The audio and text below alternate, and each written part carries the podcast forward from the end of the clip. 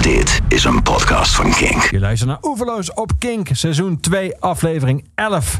En mijn gast vandaag is striptekenaar eh, Michiel van der Pol. Michiel, welkom in Oeverloos. Dankjewel. Mede mogelijk gemaakt, niet jij, maar Oeverloos door de muziekgieterij in Maastricht. Ehm, we gaan het hebben over eh, de Gevoelige Mannenclub, jouw nieuwe album, jouw nieuwe boek. Ehm, en we gaan meteen muziek draaien eh, die in het boek staat. Want die Gevoelige Mannenclub, daar gaan we straks uitgebreid over hebben, die draaien op een gegeven moment een nummer van Sting. Eh, If You Love Somebody, Set Them Free uit 1985 alweer. Eh, van zijn eh, best wel jazzy album The Dream of the Blue Turtles. Ehm, hoe kom je bij dat nummer op deze passage? Die best wel ver in het boek gevorderd is. Waar de Gevoelige Mannenclub inmiddels een vrij cruciale rol speelt in het verhaal. Duikt dat nummer op. Hoe kom je daarbij? Ja, ehm, op dat punt van het verhaal wordt het thema in het boek heel erg loslaten. En ehm, eh, het geluk van de ander boven dat van jezelf stellen. Ehm, dus dat wordt een thema helemaal op het eind in het boek. En vandaar dat de mannen op een gegeven moment dat lied gaan zingen. zeg. Ja. ja. Ben je zelf fan van Sting? Of, of Nee, ik vind het echt een vreselijk rot nummer. eigenlijk. Maar ehm, ja, er zit ook iets... ehm, eh, die die gevoelige mannen hebben een hele dramatische manier van praten. Die nemen alles eigenlijk heel serieus, zeg maar. Ja. En eh, dat nummer heeft ook, dat is ook serieus natuurlijk, maar er zit ook zo'n refreintje in wat, wat ik een beetje lullig vind klinken, zeg maar. That's free, free. En die free. lulligheid die past heel goed bij, eh, bij de gevoelige mannen. Ja. Hoe kwamen zij in jouw hoofd terecht, die gevoelige mannen, die, eh, de, die in jouw boeken uiteindelijk een soort van, waarvan de hulp wordt ingeroepen? De gevoelige mannen zijn eigenlijk al, denk ik misschien wel 10 jaar of 15 jaar geleden ontstaan. Eh, en dat was heel eenvoudig met een, eh, eh, een zelf in elkaar geknutseld boekje.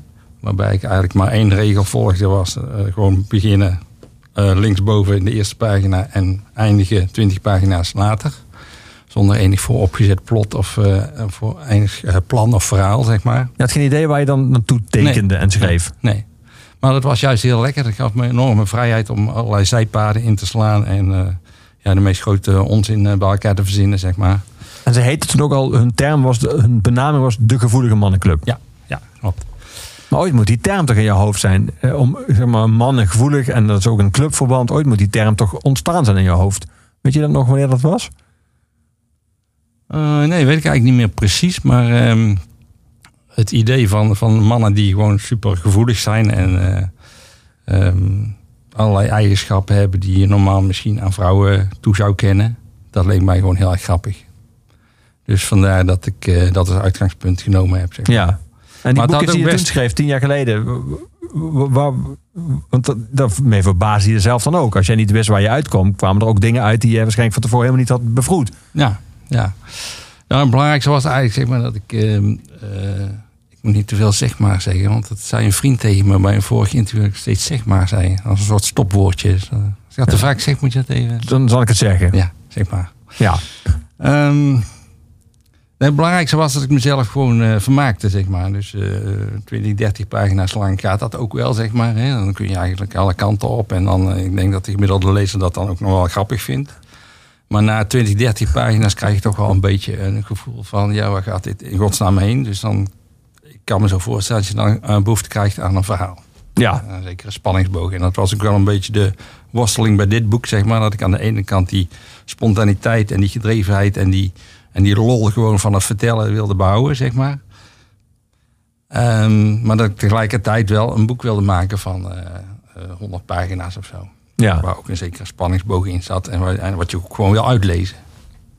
Maar de hoofdpersonen van jouw boek, eh, Harriet, zijn vrouw eh, Vera en de dokter waar zij uiteindelijk eh, terechtkomt, eh, die waren neem ik aan van tevoren in jouw hoofd al bedacht. En ook hun, hun, hun rol, of niet? Of, of, of heb je te maken met een werk dat volledig soort van geïmproviseerd, Ja, dat associatief tot Dat stand is gekomen? Ik wilde gewoon leuke mannen eh, bij elkaar eh, schrijven, zeg maar. En ehm, eh, ja, mijn vorige boek waren allemaal autobiografisch. Dus er zal ook wel een autobiografische element in zitten. Eh, wat die mannen bijvoorbeeld heel veel doen, is eh, problemen vermijden. En dat, eh, dat herken ik wel. Ja. Dus vervelende dingen, die schuif ik voor me uit. En dingen die ik leuk vind, die... eh, en zij hebben dat in extreme mate. Maar er hing dus niet in jouw werkkamer een soort eh, outline met een plot en met een, met een soort van waar het verhaal naartoe moest gaan. En waar eh, Harry en eh, Vera, de hoofdpersonen, die naakt in het boek, het boek naakt zijn, waar die, waar, die, waar die allemaal terecht zouden komen. Nee, er was in het begin geen plot, dus later wel. Want Ja. zoals ik al zei, ja, dat, dat vraagt het verhaal op een gegeven moment wel. Ehm, dus dat kwam later allemaal, zeg maar. Maar het was wel heel moeilijk om dan... ehm, om, kijk, een beetje een nadeel van een plot helemaal van tevoren verzinnen... is dat het dreigt... eh, dat het, dan kan het huiswerk worden, zeg maar, om het plot uit te werken. En dan heb je Ja. aan de ene kant heb je gewoon een plot liggen. Aan de andere kant eh, ga je het dan uitwerken en je, geeft hem jezelf dan eigenlijk geen ruimte meer om, Nee. om, om te dromen, zeg maar, binnen het verhaal. Je gaat eigenlijk je taak invullen die je zelf Ja. hebt gesteld. Ja. Ja. Dus dat wilde ik eigenlijk vermijden, maar ja, dat was een constante eh, ja, worsteling tussen die twee eh, eh, gevoelens of uitgangspunten, zeg maar. Ja. Zullen we, ondanks het feit dat je het eigenlijk gewoon een kutnummer vindt, eh, het toch maar gewoon draaien? Omdat het Ja, een vrij cruciale rol speelt, in ieder geval in het, dat moment van de gevoelige mannen. Zeker. Oh, en misschien ben je inmiddels ook al soort van nader tot het nummer gekomen, omdat het nummer nou in jouw werk een rol speelt. Ja. We gaan het merken. Ik ga naar jou kijken terwijl je het nummer, een nummer draai en kijken of je ervan opvrolijkt of juist met koffie gaat gooien. Hier is Sting van Dream of the Blue Turtle. If you love somebody, set them free. Oh. Zie, ik heb meteen mis. Ik kreeg Remo van het Groene Woud. Dat kan toch? Misschien had je die wel gewild. Veel leuker eigenlijk. Even kijken welk nummer. Bitter en Bot heette dat nummer. Oké, Was ken eigenlijk ook wel. Nee. Nou, we gaan toch Sting draaien. Hier Sting met If You Love Somebody, Set Them free,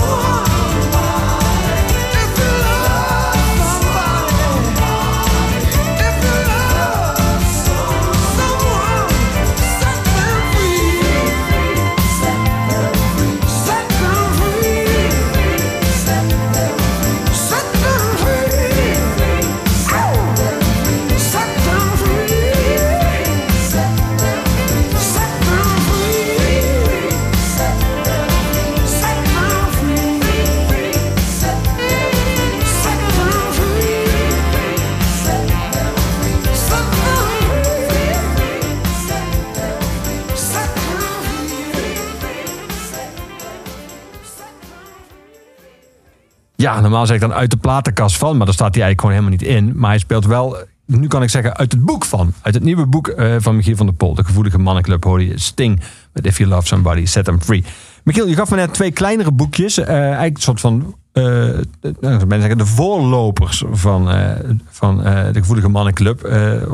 De eerste aanzet ertoe. Blote vrouw, nummer 1 en nummer 2. Ehm, in die eerste zien we een vrouw die net als eh, in de gevoelige mannenclub eh, naakt loopt. Ik zie er ook een mannetje in, zoals ik er doorheen blader, die ontzettend op jou lijkt. Ja, Ben jij dat?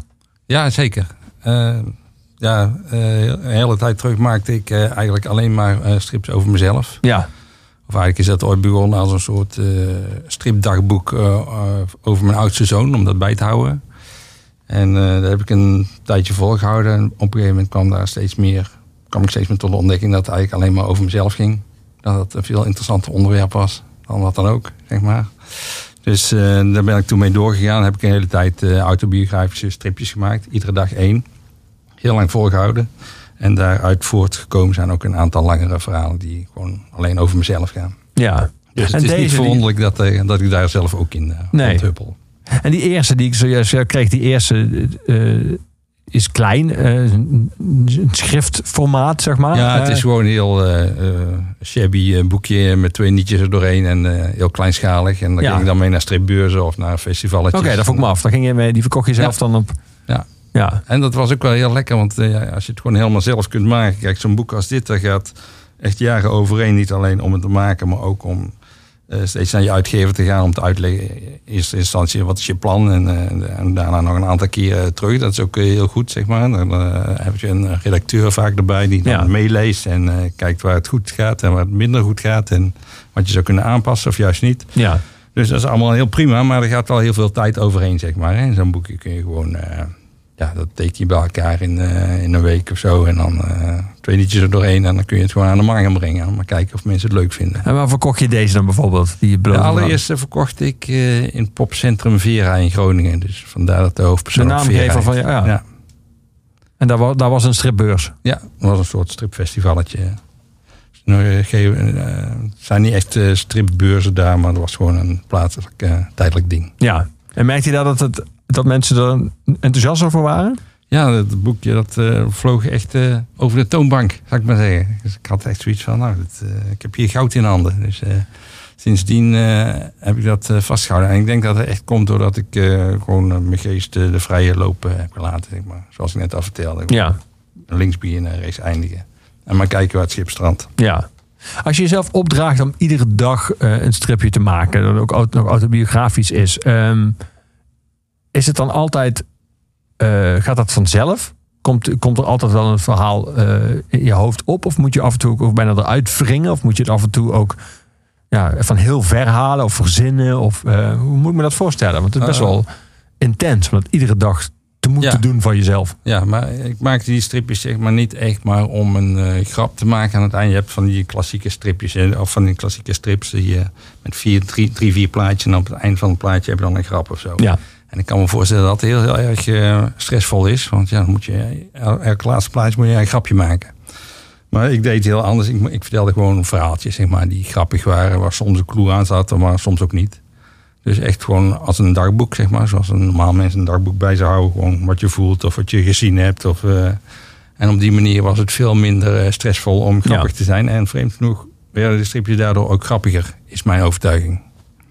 Als je heel erg gaat Omdat proberen om niet- grappig te zijn, dan, eh, dan ja, tenminste bij mij lukt het dan niet om grappig te zijn. En deed dat dan op het eind van de dag? Was dat een soort van terugblik op de dag? Of was dat 's ochtends de terugblik op de dag ervoor? Eh, meestal was het s'avonds maakte ik de strip voor de volgende dag. En die zet ik dan eh, op Facebook of op internet op verschillende plekken. Maar meestal dan keek ik even terug en dan had ik wel drie, vier, vijf verschillende momenten. En ik denk van, daar zit wel een stripje in. Ja. Dus dat, was, dat stelde niet zoveel voor om dat te bedenken.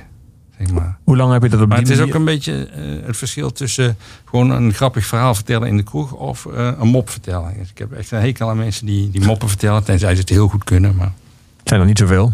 de eerste zijn mensen die zeg maar eh, halverwege de, grap, de mop al zelf gaan lachen, weet je wel. Omdat ze zelf de clue al kennen. Dan komt die clue eraan. En ja, nou, dan moet er gelachen worden natuurlijk. En ik vind het zelf ook best wel een beetje sneu voor iemand die een mop vertelt. En ik zou hem niet grappig vinden om dan toch niet te gaan lachen. Dus dat bouwt dan een zekere stress in mij op, zeg maar. Uh, uh, moeten, moeten wel gaan lachen. En zelfs als de mop dan wel grappig is, dan zit er toch nog iets van spanning in, snap je? Ja, Terwijl als je gewoon in een, in een kroeg of in, op iemand thuis gewoon een grappig verhaal vertelt, dan fietst die humor er eigenlijk als vanzelf in, zeg maar. ja. Maar eens opletten hoeveel mensen gewoon een verhaal vertellen, gewoon een normaal verhaal of zelfs een heel serieus dramatisch verhaal. En dat er dan toch allerlei grapjes in komen, gewoon om het, zeg maar, eh, het verhaal gewoon brandstof te geven. ja, ja.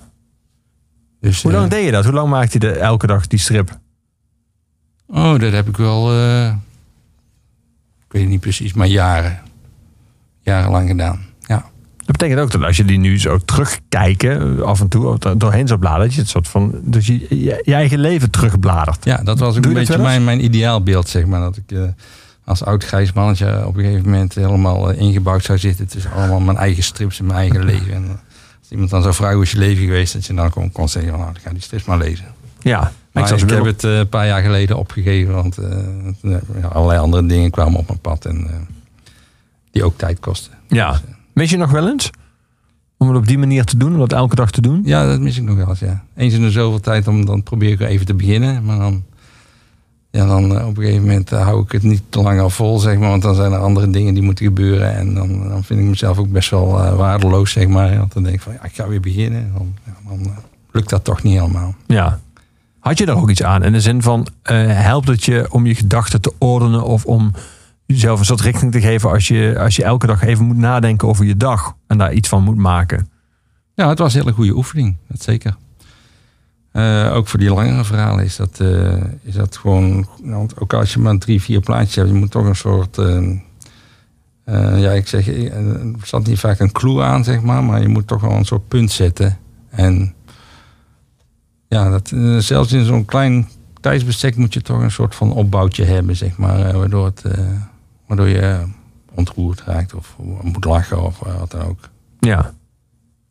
We gaan muziek draaien. Die, eh, wel van jouw keuze. Het zit niet in het album. Maar je zou kunnen zeggen dat het thema misschien wel met jouw werk te maken heeft. Eh, no Fun gaan we draaien van de Stooges. Eh, het nummer eigenlijk over verveling. Ehm, verveelde jij je vroeger als kind wel eens? Mm, als kind niet zo, nee. Maar later als volwassene misschien iets meer. Maar ik vind het ook heel fijn om je af en toe eh, te vervelen. Het heeft eh, een groot, eh, groot belang. Ook voor je, om, om je hoofd vrij te maken en nieuwe ideeën te krijgen, zeg maar. En het is heel vaak zo dat als je eerst heel lang intensief aan een, bijvoorbeeld aan een bepaalde scène in een boek gewerkt hebt.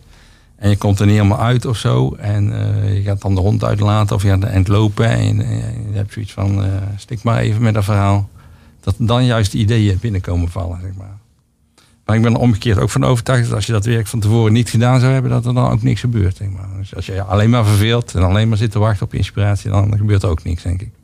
Dus je moet daar zo'n balans in, eh, in hebben. Ja, ze beïnvloeden elkaar. Ja, dat denk ik. Ja. Ja. Maar verveling, eh, als je het, jij verveling beschrijft, dan doe je eigenlijk nog steeds iets. Ja, met je hond wandelen. Dat is op zich nog steeds Ja. een actieve daad. En die hond is daar natuurlijk super blij mee. En je ziet dan waarschijnlijk mensen, je voelt de natuur even. Ja, ja. Echt? ja maar ik ben heel eh, eh, eh, streng voor mezelf in de zin van als ik niet echt aan het werk ben of ik doe niet iets wat met mijn werk te maken heeft, dan is dat. Ja, dan heb ik ook zoiets van dat is nutteloos. Of ik ga eens aan het werk, denk ik dan aan- bij mezelf. Van, eh, wat doe je hier? Dus, maar Een beetje Calvinistisch ook wel. ja, een beetje Calvinistisch, best wel erg, ja. Maar toch heeft dat wel zijn waarde eh, bewezen. Ja. Maar voel je dan schuldig als je niks doet? Ja. Ja, ook omdat ik wel gemerkt heb dat als je gewoon, eh, zoals met die stripjes die ik dan iedere dag maakte, dat het ook wel eh, iets oplevert. Dus ik maak mezelf in ieder geval wijs dat ze steeds beter werden. En dat ze ook geleid hebben tot, eh, tot langere verhalen. Ja. Dus in die zin is het ook wel goed om iets te doen. Maar ja, je moet het ook af en toe even, even kunnen loslaten. Ja. Maar dan laat je eigenlijk los. Sting al zong, zeg maar. Ja, maar dan laat je los opdat daarna er weer werk uit voortkomt. Ja. Ja. Maar dat is dan niet de instelling van het, van het op het moment dat ik even geen zin meer in heb of zo, dan denk ik echt van nou ga ik even iets anders doen. Dan ga ik niet meer, eh, want dan is, dan is het ook niet mogelijk om nieuwe ideeën eh, te krijgen. Zeg maar. Als je echt denkt van dan ga ik nog een beetje doordenken tijdens het eh, hond uitlaten, dan, Ja, dan ben je, dan ben ik hier gewoon door eigenlijk. Ja. Ja. Ik zei dat we gaan de stoeltjes draaien. no Fun. van het album De Stoeltjes ook. Dat, to- toen was jij te jong. Dit moet je met terugwerkende kracht hebben leren ja, kennen. Ja, zeker. Weet je nog Maar wanneer? ehm, Of door ja, ik ging uit, eh, veel uit in die tijd. Ehm, bij Swingen bij Dingen in Tilburg. En daar draaiden ze het altijd. Wat was dat voor een tent? Swingen bij dingen? Ja, het was eigenlijk een kroeg met een, eh, met een dansvloertje. Hm. Dus je kon eh, kiezen of je wilde dansen of niet.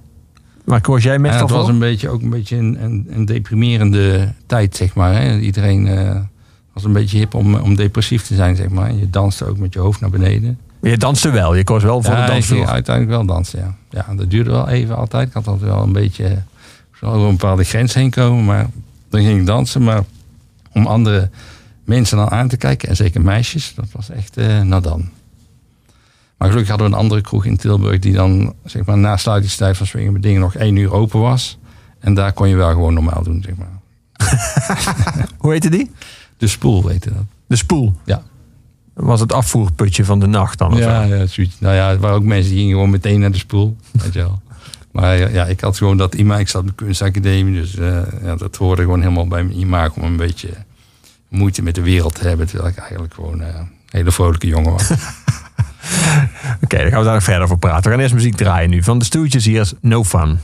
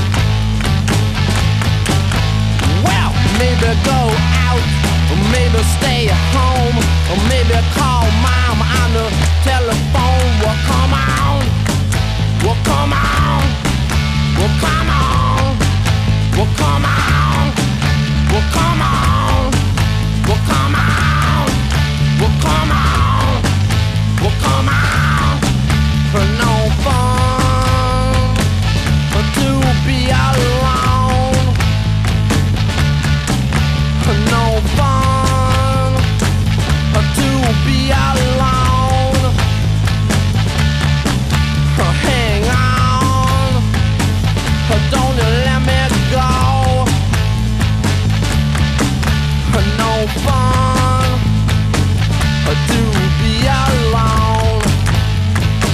I said to be alone.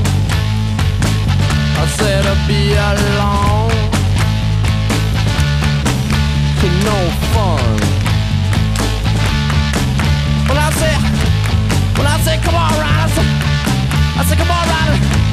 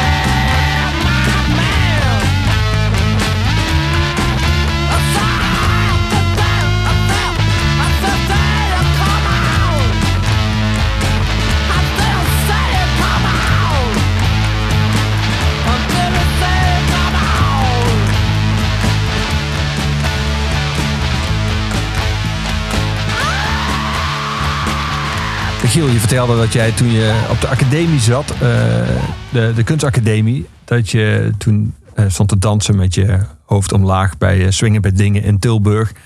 En onder meer eh, naar depressieve muziek luisterde. Ehm, we gaan dadelijk Nick Cave draaien met het nummer The Singer.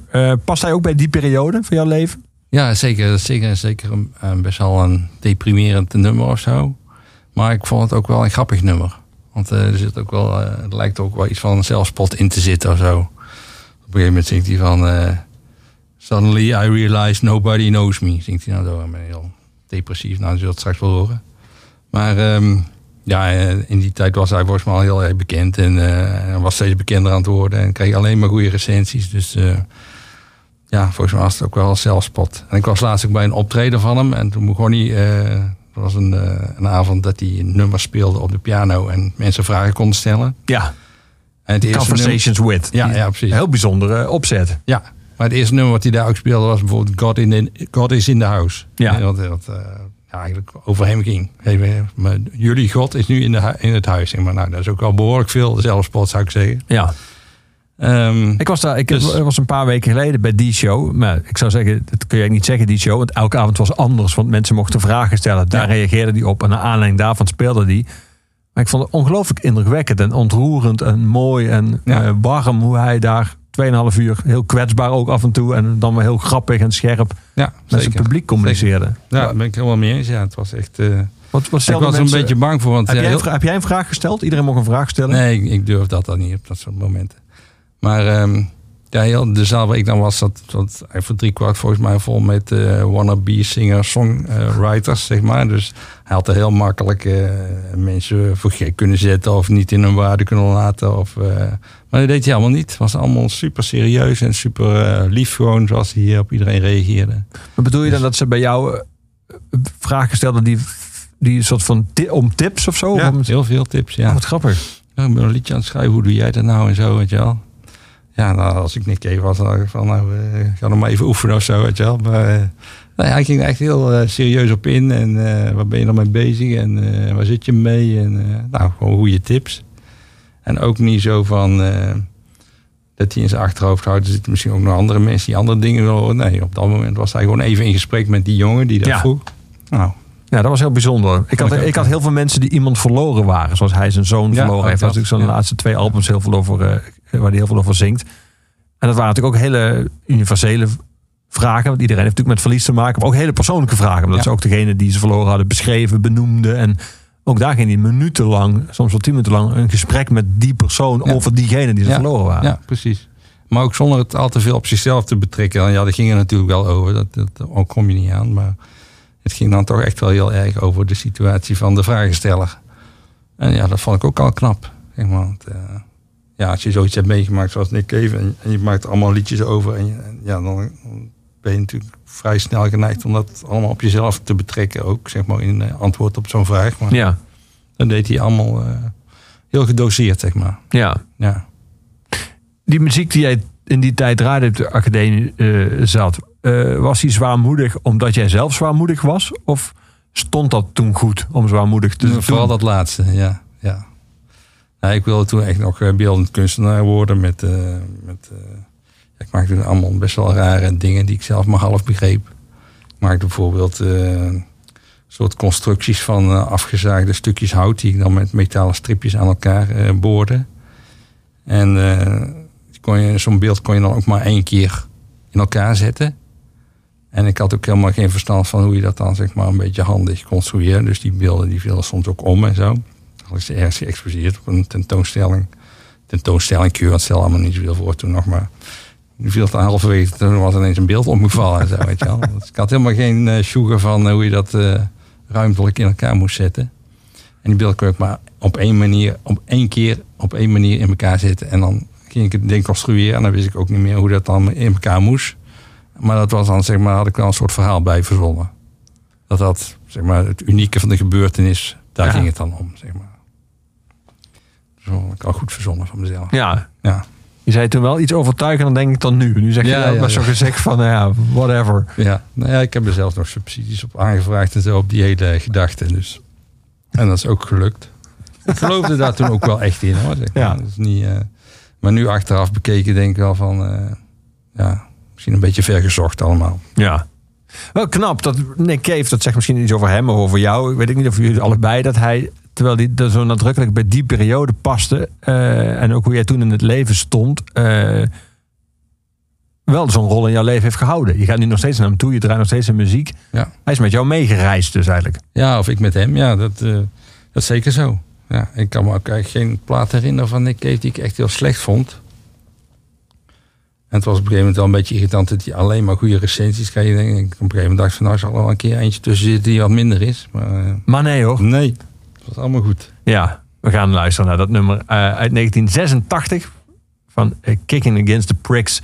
Hier is Nick Cave met The Singer.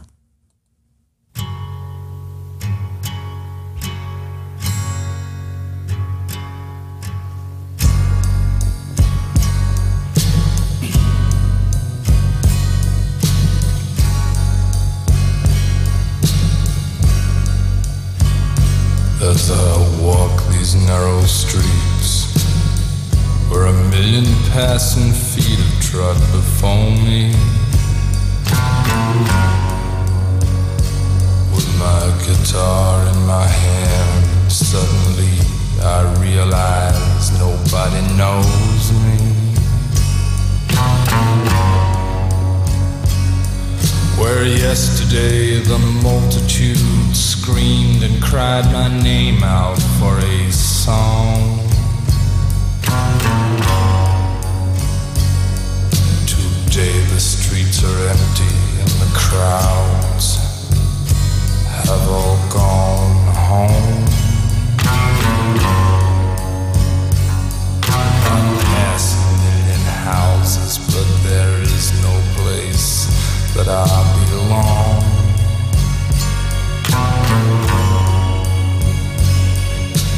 All I knew to give you was song after song after song. All the truths I tried to tell you were as distant to you as the moon.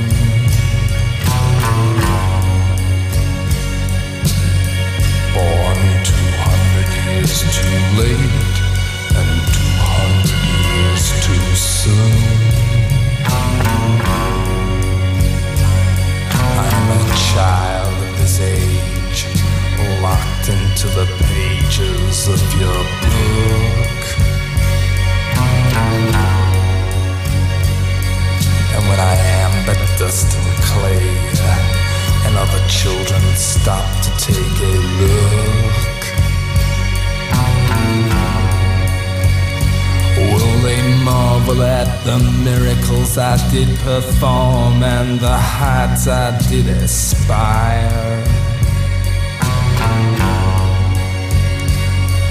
Or will they tear out the pages of the book to light a fire?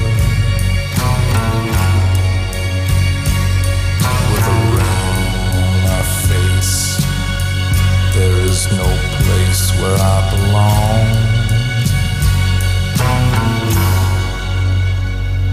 Did you forget this fucking singer so soon? And did you forget my song? Michiel, wanneer begon je voor jouw gevoel met strips maken? Wat beschouw je zelf als het begin? Ehm, ik heb heel veel strips gemaakt eh, voordat ik naar de kunstacademie ging, zeg maar. Op de lagere school al en zo. Eh, eigen gemaakte verhaaltjes en dingetjes. Heb je die ook allemaal bewaard? Ehm, nee, volgens mij heb ik daar bijna niks meer van. Jammer. Maar ik, eh, ik maakte wel boekjes, zeg maar, die ik dan eh, opstuurde aan mensen. En dat noemde ik dan. Dus mensen konden, normaal kun je je abonneren op een tijdschrift, maar ik stuurde ze gewoon op naar mensen waarvan ik dacht, die vinden dat leuk of die, die gaan mij beroemd maken of zo, weet je wel. Dat heette dan opgedrongen boekie, zo noemde ik dat dan. en, ehm, dus er zullen nog wel boekjes zijn hier en daar bij mensen in de kast misschien. Tenzij ze het ook hebben weggegooid, dat kan. Maar dat was dan één oplage van één, dat boekje? Of, of wel- kopieerde je dat? eh, wel meer, zeg maar. Ik denk eh, 20, 25 Ja. of zo, niet te veel. Zodat ik ze allemaal nog eh, kon opsturen dat het niet al te veel geld kostte eh, qua postzegels. Maar ja, dat deed ik dan, ja. En hoe was dat eh, technisch, zal ik maar zeggen, wat je toen maakte? Verschrikkelijk. Dat is wel, eh, als je terugkijkt naar werk... eh, maar dat zou ik ook waarschijnlijk bij dit boek misschien ook alweer hebben... als ik eh, tien jaar verder ben of zo, weet je wel. Dan, dan denk je ook weer dat het...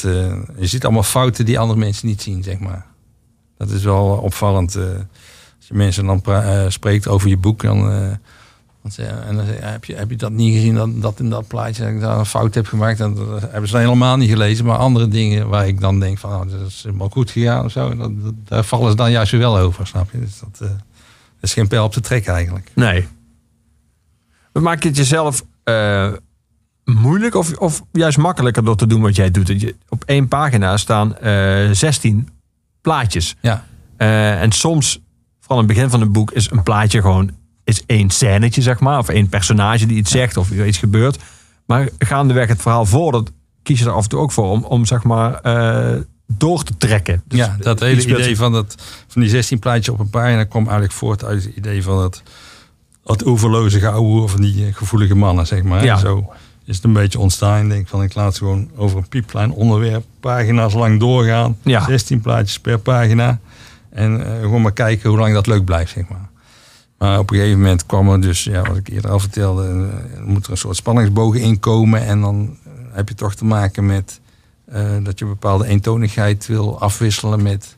Het zijn sowieso twee smaken in dit boek. Hè. Er gebeuren allemaal hele rare, maffe, over de top dingen met een, een, een, een blote vrouw die een soort seksmonster wordt en Ja, zo. Vera. Dat is allemaal enorm over de top. En daartegenover staat dan zeg maar de andere smaak van die mannen die over, over sjoelen praten en over breien. En eh, nou ja, allemaal dingen die eh, ja, dansen. Ze kunnen ook heel mooi dansen en zo. Dus, eh, en dat, dat was het oorspronkelijke idee om dat heel lang door te laten lopen, zeg maar.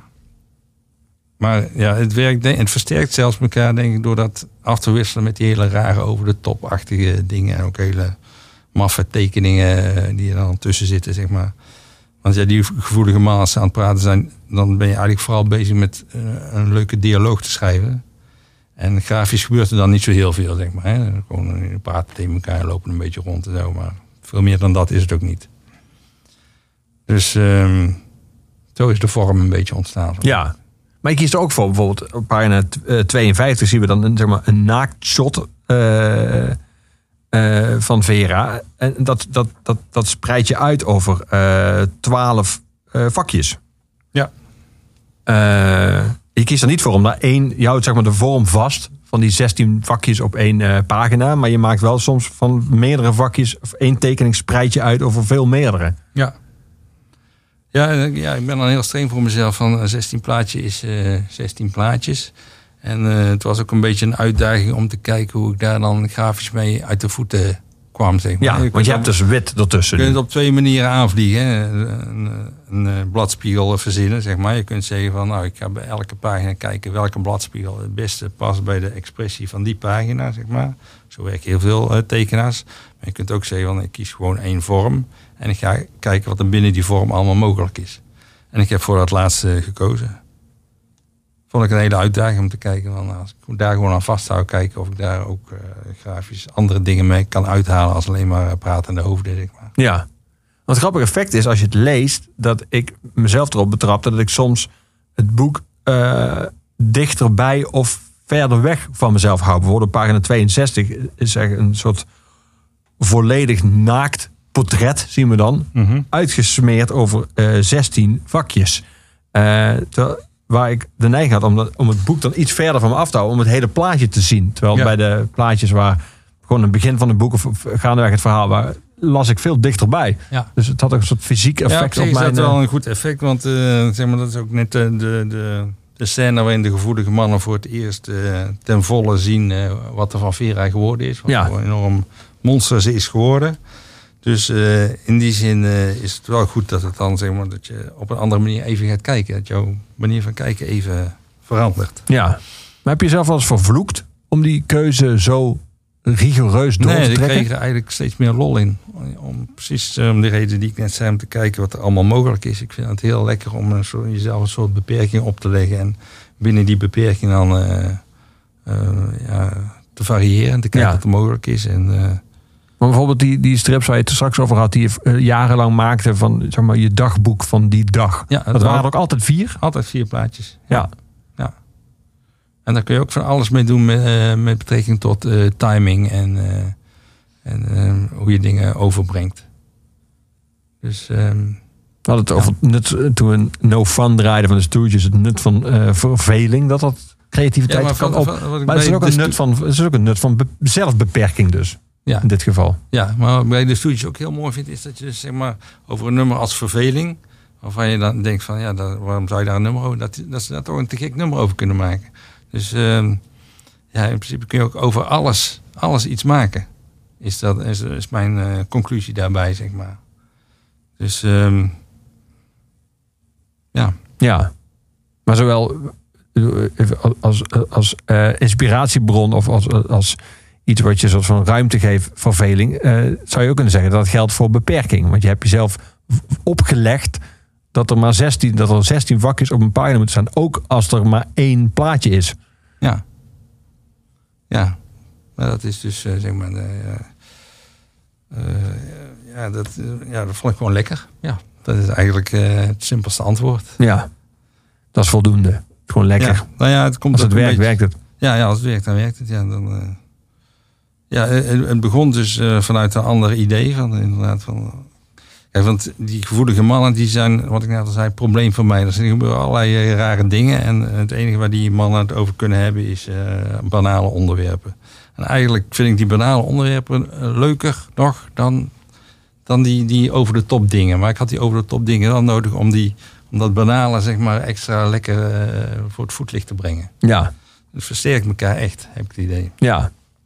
En is het ook een soort vrijbrief voor jezelf? Nu kun je gewoon met een soort van goed excuus benade dingen opschrijven. Ja, zeker. Maar ik zit wel te twijfelen of het dan weer zo'n dik boek zou moeten worden. Want eh, ja, zoals ik al zei, dat, die, die, die banale dingen, dus ze beginnen gewoon ergens over te lullen, zeg maar. En, en ze lullen me door en ze lullen me door. Dat vind ik eigenlijk het lekkerste om te maken. Maar dat, misschien past dat beter in een, in een verhaal van 20, 30 pagina's. Als je, die, als je dat counterpart niet hebt van die, van die over de top dingen. Ja. We gaan zo verder praten. We gaan muziek draaien nu. Nathan Gray, je kent hem misschien als zanger van Boys That's Fire. Maar heeft nu een hele mooie solo plaat gemaakt. Working Title heet hij. Hier is een van de nummers daarvan. Hier is Nathan Gray met What About You. I can't believe the words you say are true. Cause every chance you get, you refuse to follow through.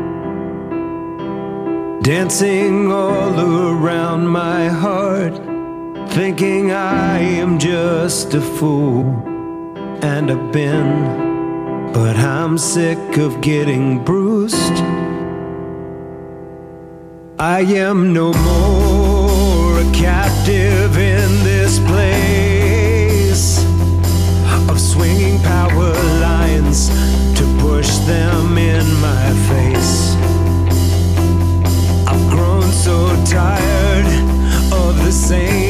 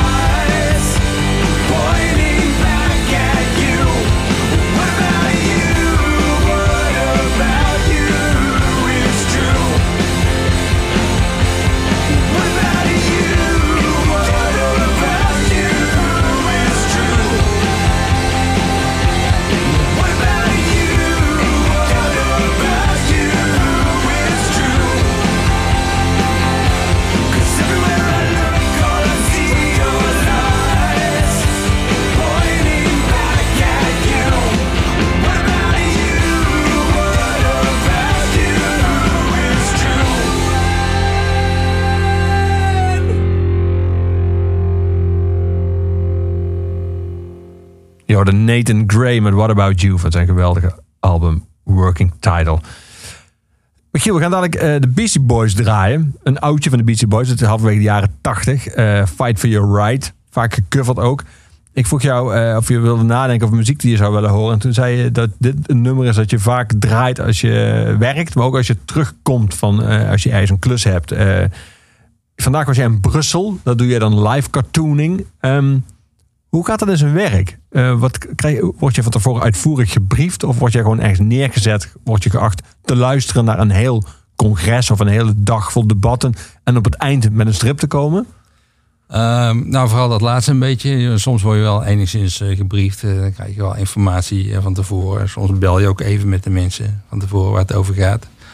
Dus enigszins ben je wel op de hoogte waar het, waar het over zal gaan. Maar de kracht van dit werk is dan juist dat je, dat je niet al te goed weet waar het over gaat. Dat je een beetje een buitenstaander blijft. Ja. Zodat je als een soort helikopter erboven kunt hangen en, en de grote eh, draad eruit kunt pikken. Zeg maar. Het werkt voor, eh, voor de deelnemers ook vaak het beste.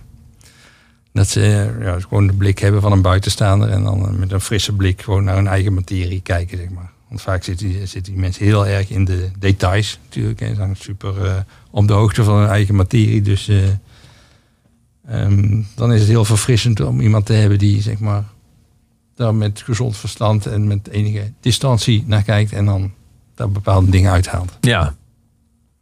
En kunnen mensen, is jouw ervaring, alles hebben? Of eh, vinden ze het ook eh, belangrijk dat, je het gevoel, dat ze het gevoel krijgen dat jij wat waar ze het de hele dag over gehad hebben, heel serieus neemt? Nou, dat verschilt erg, erg eh, van groep tot groep, zeg maar. Meestal moet je wel enigszins uitkijken met dingen als seks en religie en dat soort dingen. Want ja, er hoeft er maar één of twee in zo'n groep te zitten die daar aanstoot eh, aanneemt. En dan heb je toch eh, een probleem, zeg maar. Ja. Dus eh, dat doe ik ook niet meer. Vroeger, de- toen ik pas begon, heb ik daar een keer een foutje meegemaakt. En dan, toen had ik gelijk een aantal weken of maanden geen werk meer. Dus dat probeer ik nu te vermijden. Ja. Eh, maar ja, het verschilt heel erg of je voor, Over een gevoelige mannen groep, gesproken, eh, ja. of voor een groep bankiers staat of voor een groep binnenvaartschippers. Dat maakt eh, best wel verschil uit. En dat leer je ook zeg maar door de tijd heen om dat een beetje in te schatten. Maar hoe begin je het- Zo'n dag doet meestal de- een, heel- een heel dag, minstens een heel dagdeel. Ja. En aan het eind daarvan word jij geacht iets af te hebben. Ja, meestal is het gewoon een serie eh, cartoons, Ja. een serie eh, tekeningen. En die tekeningen allemaal bij elkaar zijn een soort notulen van de, van de dag, zeg maar, van het, Ja. van het event of van de bijeenkomst. Dus als je al die tekeningen achter elkaar eh, legt, dan zou je als buitenstaander ook moeten kunnen zien van, oh, hier is het ongeveer over gegaan. Ja. En spaar je dan op? Luister je eerst een uur en begin je dan met tekenen? Of zit je eigenlijk min of meer live mee te tekenen terwijl het zich Nee, ik voltrekt? begin meteen, want het, je, hebt eigenlijk ook geen tijd om te gaan zitten wachten of te gaan zitten denken, zeg maar. Dus, eh, en het werkt ook gewoon veel beter om meteen te beginnen. Want dan, eh, ja, dan is de eerste misschien niet eh, de allerbeste, maar dan kom je langzaam op gang en dan kom je erin en dan wordt het steeds beter, zeg maar. Het is een soort van Ja. diesel die begint te draaien en dan... Het grappige is, het lijkt bij mij werkt dat ja. zo, zo het beste. Als je het zo zou van afstand bekijken, zou je denken, het is heel anders dan aan een album werken bijvoorbeeld. Maar als je het zo vertelt, is het eigenlijk hetzelfde. Je begint linksboven, je hebt geen idee waar je uitkomt. Ja, ja, in dit geval... eh, je begint gewoon en het komt vanzelf wel. Ja, bij dit boek klopt dat wel, zeg maar. Bij mijn vorige boek heb ik allemaal wel iets meer eh, een plot, eh, vanuit een plot eh, gewerkt, zeg maar. En ook bij dit boek eh, was het halverwege inderdaad het probleem van... eh, ja, hoe krijg je er een spanningsboog in? Hoe zorg ik ervoor dat mensen de pagina blijven omslaan? Dus dan, dan moet je toch wel wat verder denken, zeg maar, als, eh, als het moment zelf. Ja. En teken En je ook de mensen die op het podium staan, of niet? Nee, nee, nee, nee. Dat is altijd eh, het eerste wat we zeggen. Zeg maar. Dat mensen niet bang hoeven te zijn dat ik ze ga natekenen of zo. Want daar gaat het ook helemaal niet om. Het gaat om de inhoud van wat ze zeggen. En eh, proberen de essentie daarvan eh, in tekeningen vast te leggen. Ja. Dat is het idee. Is dat iets van de laatste jaren? Of was dat toen jij op de Academie voor Beeldende Vorming zat? Was dat toen al iets Nee, wat toen, gebeurde? toen had ik er nog nooit van gehoord. Ik ben op een gegeven moment gevraagd om een agent. Ik werk via een agentschap, Comic House. En die vroeg op een gegeven moment of ik dat eens een keer wilde proberen. En dat is nu denk ik tien jaar geleden of zo. Misschien wel langer, ik weet niet precies. Maar een hele tijd geleden. Ja. En ik doe dat nou, eh, dat is eigenlijk mijn broodwinning geworden ook een beetje. Eigenlijk zoals eh, bij heel veel events ook dichters worden ingehuurd om live zeg maar, een gedicht te maken en op het eind voor te lezen. Is dit dan de, de grafische versie ervan? Ja, want het is ook heel grappig dat voorlezen. Dat is wel iets van de, dat is wel iets van de laatste jaren. Dat we aan het einde van zo'n dag eh, geacht worden de dag samen te vatten aan de hand van de cartoons. Dus dan sta je gewoon voor een groep managers en dan eh, moet je gewoon vertellen over je cartoons. En het grappige is dan zeg maar, toen ik dat voor de eerste keer deed, dacht ik van nou, ik, ik lees gewoon die cartoon op. Ik kun je toch zelf ook lezen. Eigenlijk nee, dacht ik toen hè. Maar door het gewoon voor te lezen en op een bepaalde manier dat te brengen, werkt dat toch heel goed. Dat vond ik zo'n openbaring eigenlijk. Grappig. Maar misschien omdat ik zelf gewoon heel erg gewend ben om cartoons en strips te lezen. En die, voor die mensen is dat allemaal nieuw, zeg maar. Die, eh, Ja. Die lezen in hun vrije tijd echt geen strips. Andersom zou je kunnen zeggen dat wat voor die mensen gewoon is, dat je werkt in een groepsdynamiek en dat je een soort eigen taal ontwikkelt die inherent is aan het vak of aan het bedrijf. Dat, dat we verder voor jou af. Jij werkt van algemeen alleen. Je zit thuis of in je werkkamer zit je te werken. Nou ja, ik doe dus steeds meer dat eh, voor bedrijven en zo. Dan, dan Ja, maar dan kom je ook in je eentje aan en ga je eentje weg. Ja, dat is waar, ja. Maar ja, het is wel zo, je zit aan te werken, zeg maar. Er zijn allemaal mensen om je heen. En er komen altijd wel mensen naar je toe die, die vroeger ook eh, strips eh, tekenaar hadden willen worden, zeg maar. Die komen dat dan vertellen. En nu geëindigd zijn als bankier. Ja, ja. ja. Nee, maar dat, daar moest ik in het begin wel heel erg aan wennen, zeg maar. Dat, eh, ja, ik kun niet zeggen van, nou, laat me met rust, ik zit hier te tekenen. Dus dan moet je ook nog een beetje een vriendelijk praatje hebben voor die mensen. En tegelijkertijd doorwerken. Dus dat, ja, allerlei verschillende... Dus die hele sociale kwaliteiten heb ik daar wel eh, ook wel eh, een beetje voor moeten ontwikkelen. Zeg. Ja, ja. Maar daar ben ik eh, heel blij mee. Ik vind het echt heel leuk werk nou. Maar als mensen tegen jou zeggen, van, ik heb vroeger ook getekend, dan, dan dat, zou je, dat zou je kunnen zien als een soort compliment of zo. Of een soort van, ik wil dat ze zoeken naar een soort common ground. Ja. Je zou kunnen zeggen, ja, maar dit is een vak. Ja. Dat jij hebt getekend. Zelfs dat je tegen een bankier zegt van, ik heb vroeger ook gespaard. Ja, ja, dat is het ook. Maar meestal bedoelen die mensen niet zo heel kwaad, denk ik. Eh, De, de, de, de vraag die het meest gesteld wordt is ook altijd van... eh, kun je er nou van leven? Hè? En dan, ik zeg nu een beetje een bot, maar meestal is het gewoon een aanknopingspunt voor die mensen... om gewoon even een praatje te maken. Dus Ja. ik vind het allemaal niet zo erg.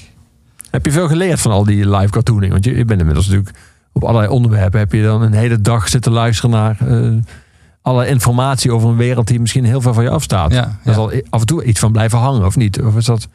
Ja, soms wel, maar soms, eh, ja, ik probeer het ook eh, redelijk snel ook weer enigszins te vergeten, zeg maar. Zodat ik weer eh, fris aan een volgende klus kan beginnen. Dan weer, ja, als een eh, blanco papier in kan staan, zeg maar.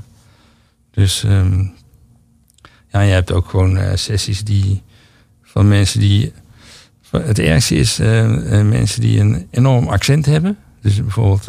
Zoals jij en ik. Ja, bijvoorbeeld. Maar je hebt ook Fransen die dan Engels proberen te spreken. En dan in vakjargon. En dan ook nog in heel veel afkortingen. nou, dat, is echt, dat zijn echt wel de taaiere sessies, zeg maar. Ja, Maar goed, eh, ja, de meeste, heel veel afkortingen ken ik eh, zo langzamerhand wel na, na tien jaar. Maar ja, als het echt alleen maar afkortingen is, dan is het echt wel een soort geheimtaal. En het Ja. grappige is dan, als je dan als je in zo'n sessie verzeld raakt en je neemt even iemand apart in een pauze of zo, tijdens koffiepauze, en je zegt van, waar ging het nou echt over? Vertel het nou eens gewoon eh, aan iemand die er geen verstand van heeft. Waar gaat het nou echt over? Dat die mensen het vaak heel leuk vinden om dat te vertellen. En dan vertellen ze het ook zonder afkortingen. Ja, dan vertellen ze gewoon waar het echt over gaat. En dan kan ik weer verder. Dan, eh, dus- ben je, dus ben je even doe- bijgepraat voor wat je had moeten Ja, begrijpen. precies. Dus dat doe ik een enkele keer. Meestal snap ik het eh, uit mezelf wel. Maar als het echt, echt te lastig wordt, dan is dat gewoon echt een, best een goede manier om dat eh, op te lossen. Ja, je kan natuurlijk niet permitteren om een afkorting verkeerd te gebruiken in je strip. precies. Ja. Nee. Ja. Maar dan ga je uiteindelijk naar zo'n dag als vandaag in Brussel of waar je dan ook bent, eh, terug naar huis in je auto en dan draai je bijvoorbeeld de Beastie Boys of Ja, niet? ja. Vooral als het een beetje een, eh, een moeilijke sessie is geweest, dan is dat heerlijke eh, energie die eh, van- uit je radio komt dan, zeg maar. Pure energie. Ja. Draai je hard of niet? Ja, ja, ja zo hard mogelijk, ja. zing je ook mee? Eh, soms. Ja. Vooral die laatste cd van, eh, van hun was ook weer gewoon supergoed. Terwijl ze toch best wel oud, oud geworden zijn inmiddels. Hè. Maar gewoon eh, precies dezelfde energie. En eh, ja, is te gek. Ja. Ja, maar voor de, voor de Beastie Boys luisterde ik meer naar rap zoals Public Enemy en Ice-T en Ice Cube. En dat was toch best wel een beetje politiek hè, geëngageerd en zo. Hè, over de struggle van de Afro-American. Ja. En toen kwam er ineens een bandje over, van, eh, over een beetje puberale figuur met een enorm zeikerig rotstemmetje. Die dan heel hard zong over eh, de problemen die hij had met als zijn moeder zijn, zijn pornoblaadje weggooide en zo. Weet je wel, wat ook in dit nummer. Ja. En toen, ja, dat vond ik echt... eh, Maar het is wel grappig dat je dat zegt, want ze hebben inderdaad energie, heel veel energie gehouden tot het laatst. Maar ze hebben zich ook heel erg daarna, toen ze eh, heel politiek geëngageerd zelf ook werden, eh, ge- ge- zelfs geëxcuseerd voor, eh, voor deze periode. En voor de kooien met vrouwen die ze hadden. En ze vonden eigenlijk achteraf zelf dat ze seksistisch waren en plat. En ja, ze hebben de energie wel vastgehouden, maar ze hebben zich wel op andere dingen gericht, die energie. ja, ja oké. ja, maar ja, het is vooral de energie die mij dan zeg maar, eh, vooral aanspreekt. Zeg maar. Ja, dus... Daarna werden ze gevoelige mannen. Ja, ik weet niet, die energie die zit dan, misschien komt die uit andere denkbeelden voort, maar het is wel dezelfde energie. Of zo. Ja. Ja. We gaan naar luisteren. Van het album License to Ill in 1986 alweer. De Beastie Boys met Fight for Your Right. Yeah!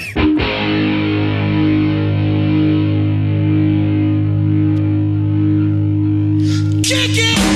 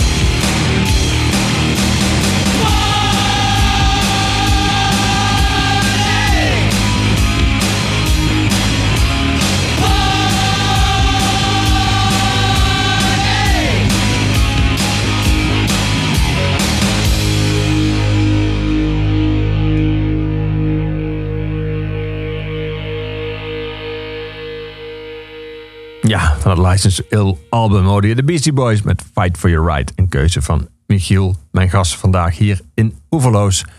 Ehm, Michiel, je noemde net ehm, eh, Comic House, waar jij eh, bij aangesloten bent. Dat die waren ooit een van de organisatoren samen met het parool eh, van de stripstrijd die jij won.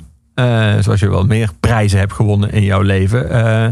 en genomineerd bent. Eh, wa- was dat een soort, was dat een soort, een soort katapult effect? Was dat een soort versneller van jouw loopbaan? Ja, zeker. die prijs? zeker ja, ja. Eh, voor die tijd eh, was ik ook al wel actief in de stripwereld, zeg maar. Maar eh, dan maakte ik gewoon boekjes bij verschillende uitgevers. En ook gewoon boekjes die ik dan zelf maakte. Maar ehm, ja, daar kun je niet van leven, zeg maar. Nee. Dus ja, dat is wel echt al een, een, een versnelling geweest. Klopt. En was jij toen was jij ambitieus al vroeg? Ja, ja, ik was, eh, ja, wat ik net al vertelde, die opgedrongen boekjes, zeg maar, Ja, ja. ik opstuurde. Was er echt wel de, de gedachte die erachter zat, was iemand gaat een keer zien hoe geweldig het allemaal is. En, en dan gaat de rest vanzelf. Mijn, mijn, mijn ideaal vroeger was ook, zeg maar, ik maak gewoon één of twee eh, van dit soort eh, boeken per jaar. En van de opbrengst ga ik dan leven. Dat was het idee. Maar dat, dat lukt niet. Zeker niet als je boekje in Nederland blijft, want die markt is gewoon heel klein. Zeker voor dit soort eh, boeken voor eh, volwassenen. Ja. Dus eh, ja, dan moet je er iets, iets bij doen, iets, iets naast verzinnen. En dat is wel dankzij Comic House gelukt. Ja. Met die live eh, events waar je Ja. strips maakt onder meer. Maar ook dingen Ja. die daar dan weer uit voortkomen. Zeg Ja. maar, hè. Soms werk je ergens en dan vinden mensen het ook nog aardig om daar een hele plaat van te hebben. Van de hele middag. Of, ja, dus er komen ook dingen uit voort weer. Ja. Neem je in principe alles aan? Of zijn er dingen die gewoon zeg aan betaalde, op, betaalde eh, dingen in opdracht die gewoon niet werken voor jou? Omdat ze je, kunstenaarschap bijna aantasten? Of kun je wel... Nou, ik kan het wel redelijk goed van elkaar scheiden. Zeg maar. Wat ik daar doe, zeg maar, dat live cartoonen, dat is, eh, dat is gewoon eh, een vak, zeg maar. Dat is, is de vakman in mij, die staat dan op, zeg maar. Hè. En als ik dit soort boeken maak, dan denk ik eigenlijk niet aan een lezer. Dan zit ik vooral bij dit laatste boek, eh, heb ik gewoon vooral geprobeerd om mezelf heel erg te vermaken. En, eh, en, en, en eh, te amuseren en bezig te houden. Bezig houden klinkt een beetje, maar in ieder geval... eh, dan denk ik echt alleen maar aan mezelf als ik het maak.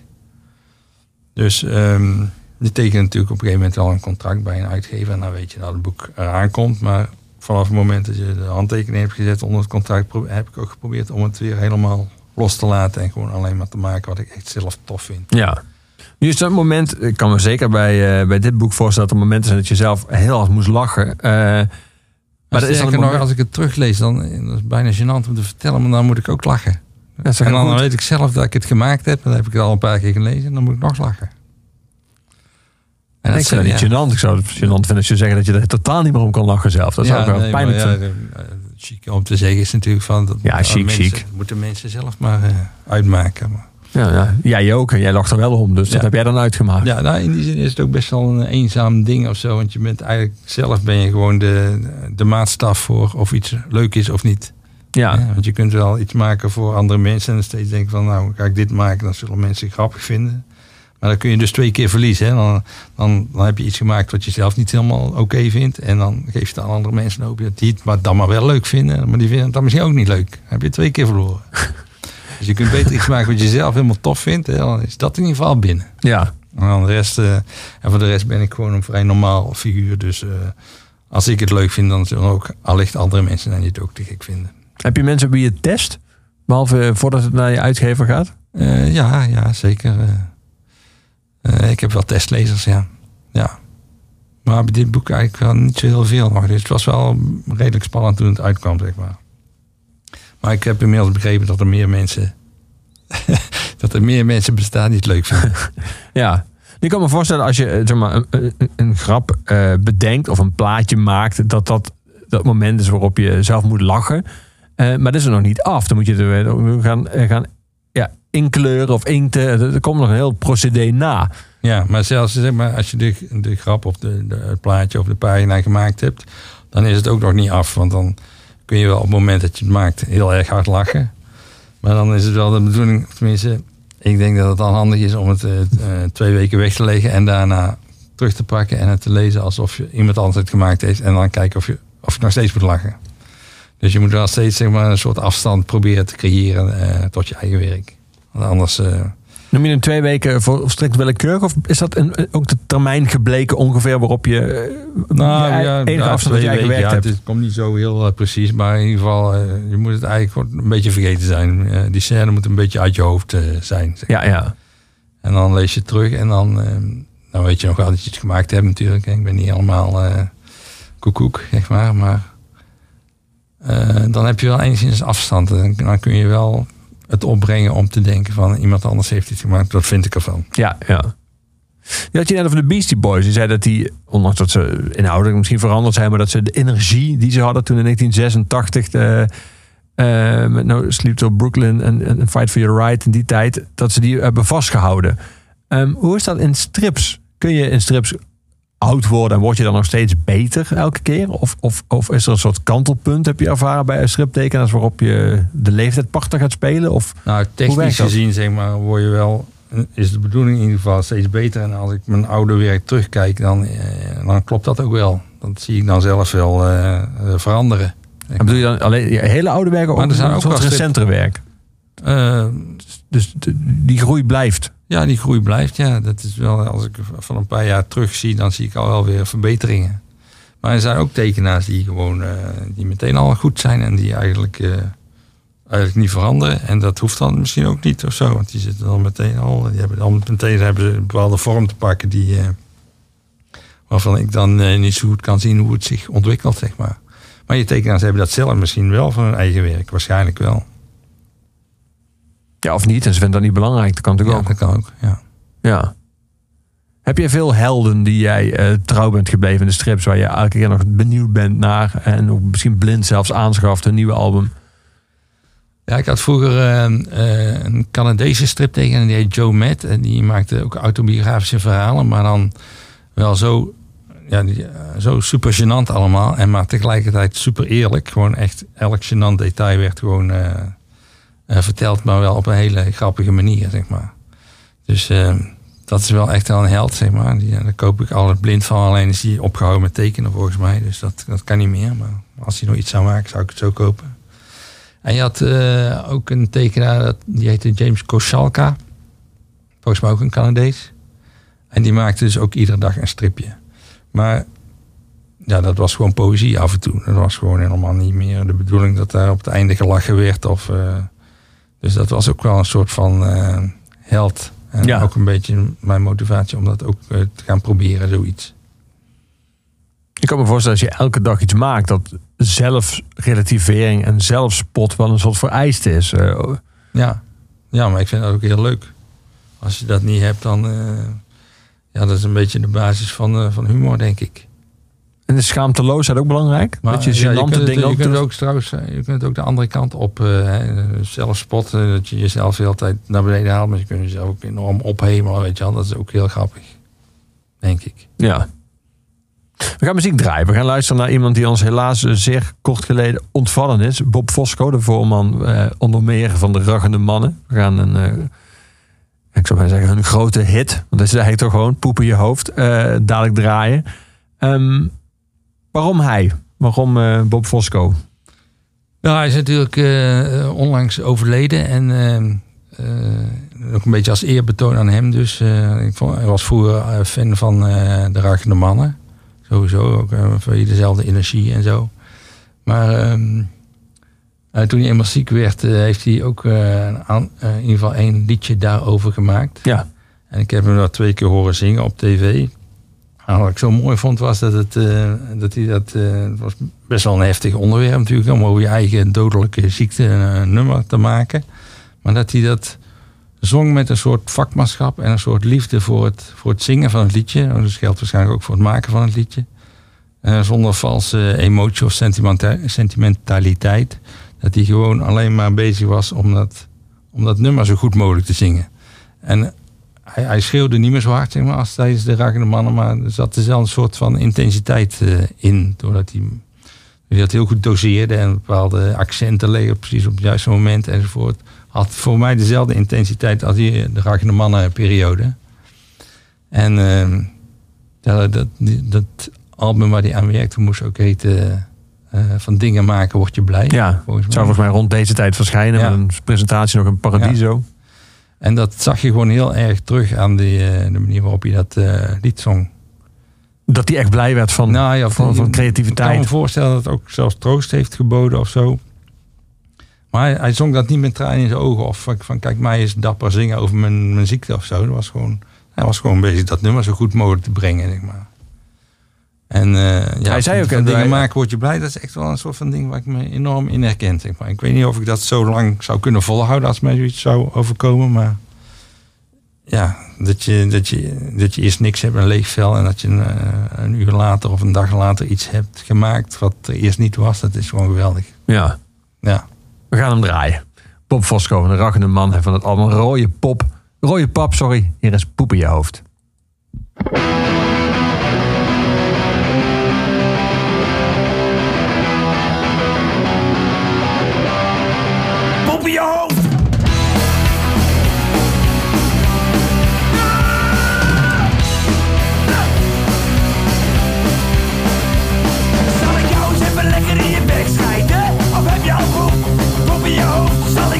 Even lekker in je bek schijten?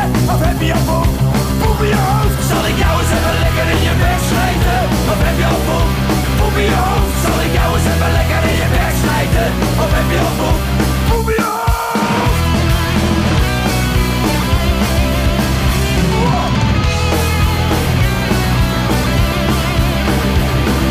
Poep in je hoofd, je hoofd. Wat maakt het uit als je maar gelooft?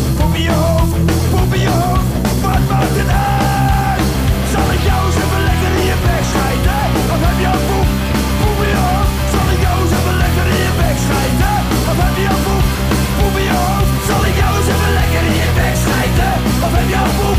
Poep in je hoofd.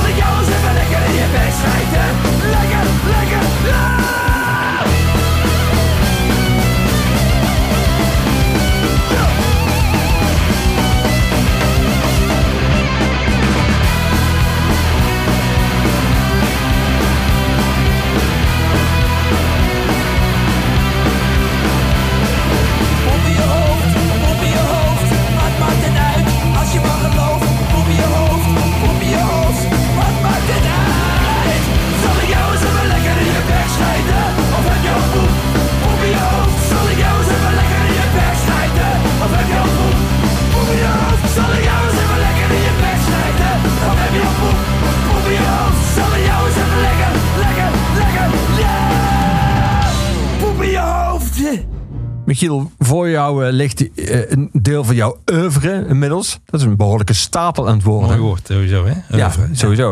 Als je er inmiddels van kan spreken, dan is dat sowieso al tof.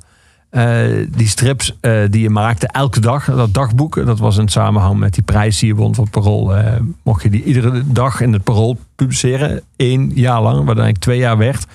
Ehm, lig je op schema, wat jou betreft, als je zo je werk overziet, zodat het voor je ligt?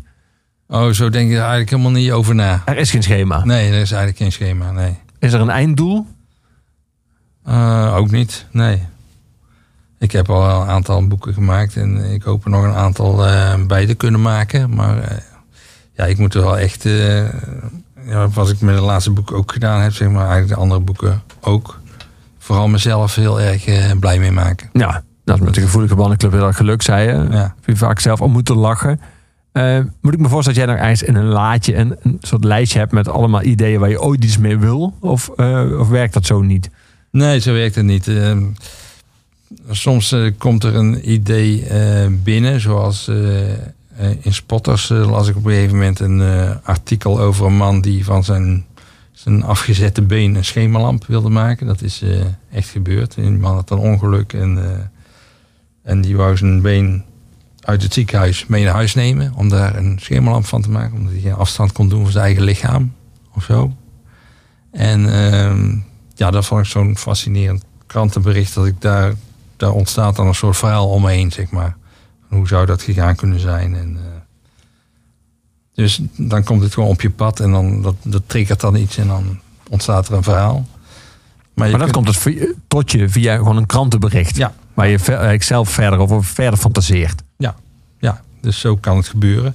Maar het kan ook gebeuren door- gewoon te beginnen. En dan zeggen van, nou, ik wil nu een boek maken en ik begin gewoon. En dan, ja, zoals, zoals dit boek, links, linksboven beginnen, rechtsonder eindigen. En dan kijken of, het, eh, of er iets uitkomt wat eh, een boek, boekwaardig is, zeg maar. Dus eh, meestal is het wel, ga ik een beetje op die manier te werk. Werkt dat voor bij, jou? de, bij de live cartoonen werkt het ook zo, zeg maar. Dus het, het ene idee eh, lokt het volgende idee uit, Ja. zeg maar. En als je zes ideeën verder bent, dan heb je eh, misschien een goed idee te pakken, zeg maar. En dan, dat, dat kan dan een boek worden, bijvoorbeeld. Voel jij je prettig bij jezelf als personage? Gaat dat eigenlijk altijd goed? Of, of ben je daar ook, was je daar ook daar klaar mee? Ehm, nou, in die langere verhalen heb ik wel, eh, was ik op een gegeven moment wel uitverteld. Zeg maar. Een paar dingen uit mijn, uit mijn leven die, die, waar ik van ik dacht dat er wel een boek in zat. Zeg maar. Bijvoorbeeld een, eh, een boek over een liefde die niet beantwoord werd. Of over een vriendschap die overging. Dat waren allemaal best wel eh, mooie thema's waar een boek in zit, denk Ja. ik dan. Maar eh, ja, het, het korte werk, dus, dus die, die dagboekstrip, zeg maar, dat, dat zou eigenlijk altijd door kunnen gaan. Als ik meer tijd zou hebben en ik zou zeg maar daarvan kunnen leven en ik zou gewoon iedere dag een strip maken en iemand een krant eh, kocht dat in voor eh, 100 euro per dag, dan, dan zou ik dat eh, zo doen. Ja, omdat het zeg maar ja, piepkleine dingen zijn uit het dagelijks leven die, schijnbaar onbelangrijk zijn, maar niks is onbelangrijk, denk ik. Eh, en daar kun, je, daar kun je strips over maken. Ja. Verbaasde jou dat zelf? Omdat je in eerste instantie zei dat je je afhankelijk idee was om het, het leven van je zoon juist eh, vast te leggen. Maar het verschoof naar jezelf. Dus Ja, dat lijkt ja, een beetje of je in eerste instantie niet dacht dat jij zelf het meest interessant Nee, nee, was. precies. Nee, nee maar dat, dat eh, gebeurde eigenlijk vanzelf. Ja. Dus het ging steeds meer over. eh, in het begin ging het over hoe hij eruit zag en wat hij deed en zo. En, maar het ging steeds vaker over hoe ik met hem iets deed en, enzovoort. Dus ja, het werd gewoon steeds groter. En op een gegeven moment denk ik van ja, dan moet ik het helemaal over die boeg gooien, zeg maar. En op een gegeven moment worden ze ook groter. En in de puberteit vinden ze het ook niet meer zo leuk dat je allemaal Dat ze hoofdpersoon worden. meest intieme dingen over ze. Hè? Dus dan kom je op de eh, thema van zelfspot. Als je gewoon eh gênante dingen over jezelf vertelt, dan kan dat gewoon. Hè? Dan ben je alleen, heb je alleen jezelf mee. Ja. Dus dat eh, geeft dan ook wel een enorme vrijheid, zeg maar. Je gaf al een paar keer aan dat je om de gevoelige mannenclub zelf heel veel plezier hebt gehad eh, bij het maken. Wat was de moeilijkste? Wat was een moeilijkste tekening erin? Moeilijkste tekening. Dat, eh,